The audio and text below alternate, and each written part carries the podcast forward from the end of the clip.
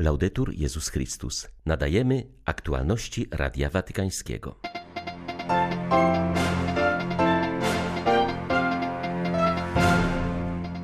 Jutro papież Franciszek dokona w Watykanie kanonizacji dziesięciorga błogosławionych, jednak już dziś spotkał się z młodzieżą z diecezji, z której pochodzi dwoje przyszłych świętych.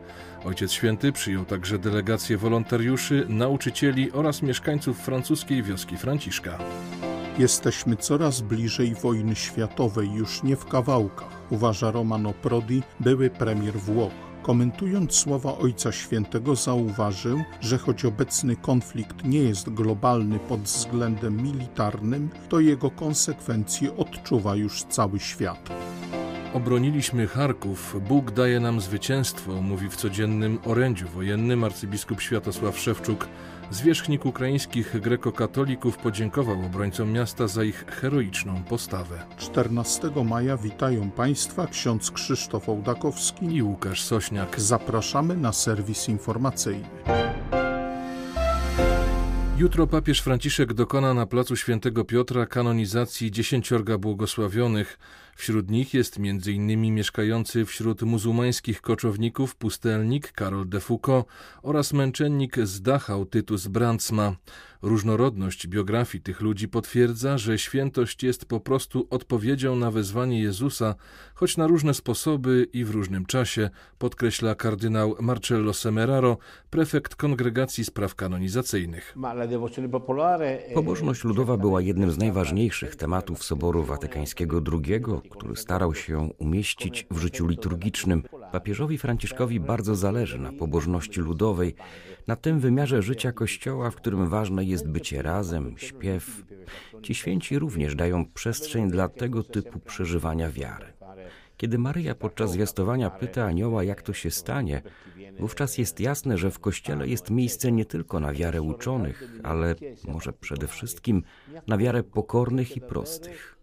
Ta ogromna rzesza ludzi, która pojawi się na jutrzejszej uroczystości, świadczy o tym, że świętość nie rodzi się gdzieś daleko, ale jest czymś, co wyrasta z gleby konkretnego kościoła lokalnego. Papież przyjął delegację młodych z diecezji Viviers. Przybyłą na jutrzejszą kanonizację dwojga błogosławionych, którzy z niej się wywodzą Marii Rivier i Karola de Foucault. Papież wskazał na trzy słowa klucze duchowości Karola de Foucault: Ewangelia, Eucharystia i ewangelizacja. Mamy tu cały program życia w szkole Chrystusa. Proponuję też, abyście nauczyli się i często rozważali wspaniałą modlitwę oddania się Bogu, zaczerpniętą z Jego pism. Ojcze mój, oddaję się Tobie, uczyń ze mną, co Ci się podoba. Cokolwiek ze mną uczynisz, dziękuję Ci. Dopóki Twoja wola spełnia się we mnie i we wszystkich Twoich stworzeniach, niczego więcej nie pragnę, mój Boże. Niech stanie się ona Waszą modlitwą chwilach życiowych wyborów i krzyży.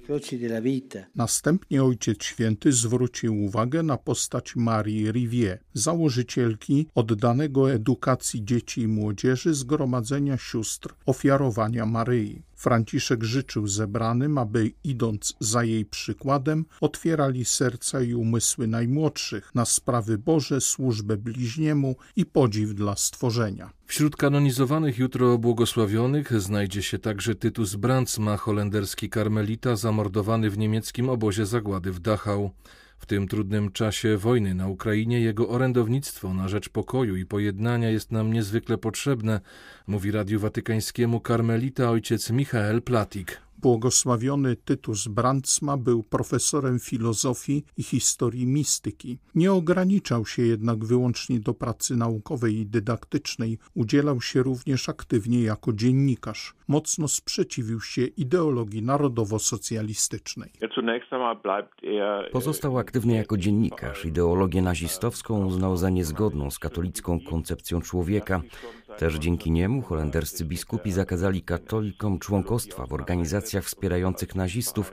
Za sugestią ojca Tytusa biskupi zakazali również umieszczania w katolickich czasopismach ogłoszeń ruchu narodowo-socjalistycznego. To właśnie stało się bezpośrednim powodem aresztowania ojca Brandsmy i wysłania go najpierw do więzienia, a potem do obozu koncentracyjnego. W Dachau nie przebywał długo. Był już wówczas bardzo wyczerpany i wyniszczony uwięzieniem. Współwięźniowie opiekowali się nim ale 26 lipca 1942 roku zmarł. Możliwe, że dobito go śmiertelnym zastrzykiem. Do końca był wierny swoim poglądom, nawet w liście do napisania którego zmusili go Niemcy, kolejny raz podkreśla, że wiara katolicka jest nie do pogodzenia z narodowym socjalizmem. W niedzielę papież Franciszek ogłosi świętym także Cezarego de Bisa, jednego z największych katechistów w historii Kościoła. Błogosławiony żył na przełomie XVI i XVII wieku. Jako młody człowiek wstąpił do wojska, gdzie dosłużył się stopnia kapitana Gwardii Królewskiej. Po nawróceniu założył nowe zgromadzenie zakonne ojców doktryny chrześcijańskiej, zwanych doktrynariuszami. Cezary po przyjęciu święceń kapłańskich gorliwie zabrał się do nauczania prawd wiary. Nie było to łatwe. Ówczesny świat był w wielkim kryzysie politycznym, społecznym i religijnym. Wraz z reformacją wybuchły podziały, panowała wielka ignorancja religijna, wyjaśnia ojciec Ottorino Vanzaghi z założonego przez Cezarego de Bisa zgromadzenia na co dzień pracujący w Indiach. Dziś znów żyjemy w czasach, gdy zupełnie z innych powodów, takich jak sekularyzacja, wieloetniczność, różnorodność propozycji, ludzie odwracają się od Kościoła. Musimy na nowo odkryć metodologię, która jest dostępna i bliska ludziom. Powinniśmy więc pracować na dwóch frontach.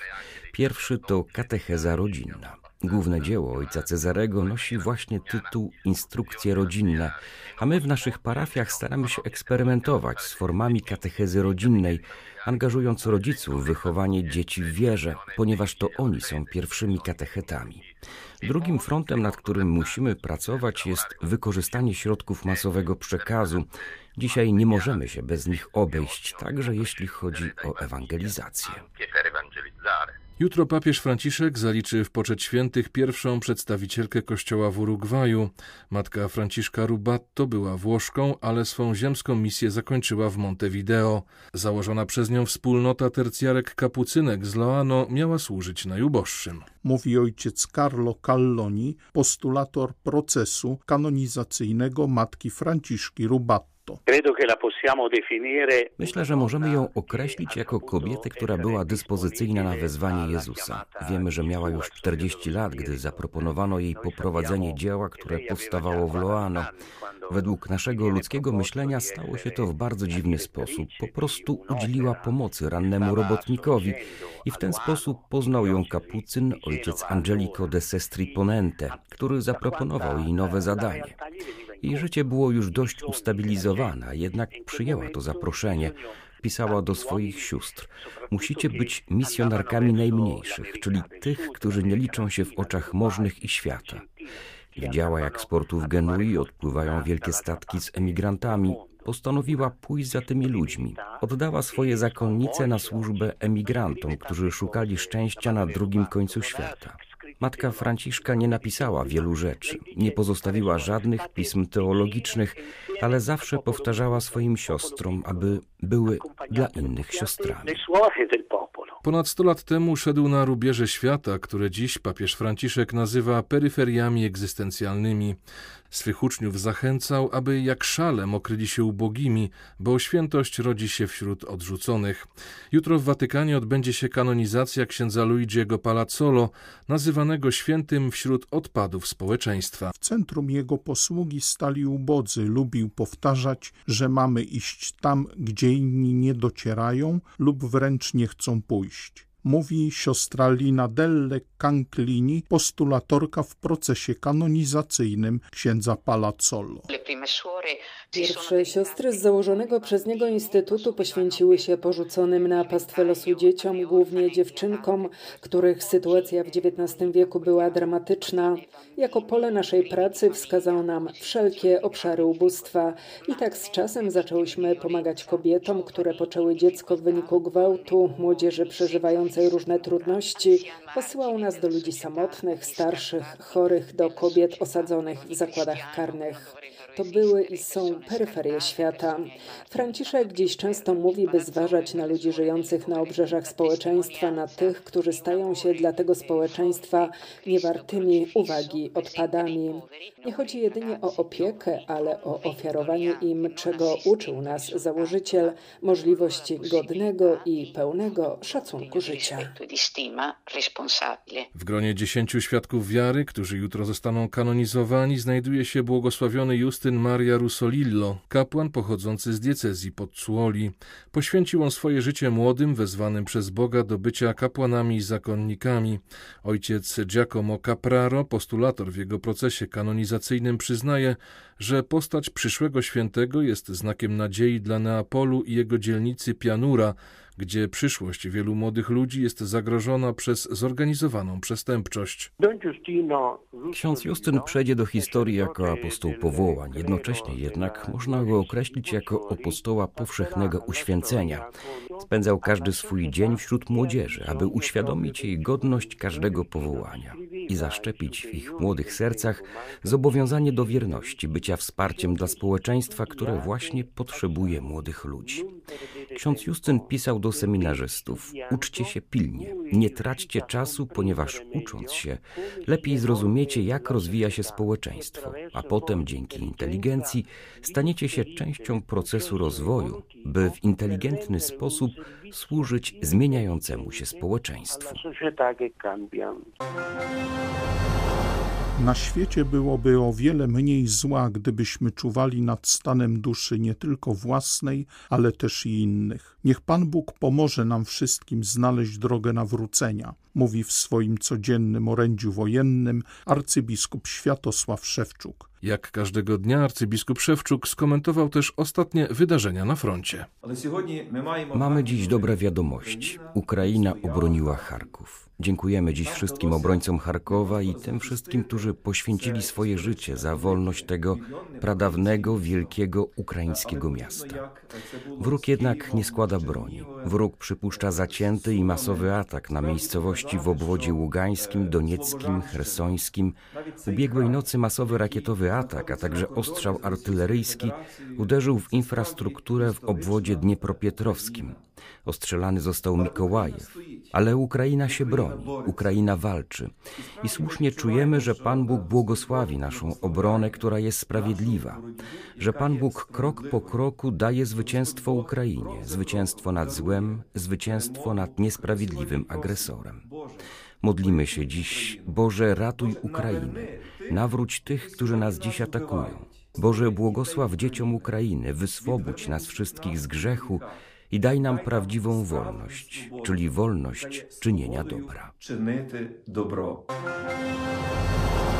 Zdaniem biskupa Edwarda Kawy Ukraina wciąż potrzebuje pomocy humanitarnej i będzie jej jeszcze bardzo długo potrzebowała. Biskup pomocniczy archidiecezji lwowskiej od początku wojny koordynuje pomoc, jaka przechodzi przez Lwów i trafia na wschód Ukrainy. Pomoc jest cały czas potrzebna, mówi koordynujący pomoc biskup Edward Kawa. Bardzo często ludzie, którzy mieszkają w tych obstrzeliwanych terenach, tracą wszystko i potrzebują przede wszystkim żywności, potrzebują często odzieży, rzeczy podstawowych, bo jak pocisk trafia w ich dom, to praktycznie wszystko tracą. I staramy się właśnie na te potrzeby odpowiadać na tyle, ile możemy. Tutaj na zachodzie Ukrainy, gdzie mamy takie większe skupisko y, ludzi, którzy przechowują się od tej wojny i ta pomoc na pewno jest ciągle potrzebna, póki się wojna nie skończy. Z Lwowa dla Radia Watykańskiego ksiądz Mariusz Krawiec, Paulista. Były to aktualności Radia Watykańskiego. Laudetur Jezus Chrystus.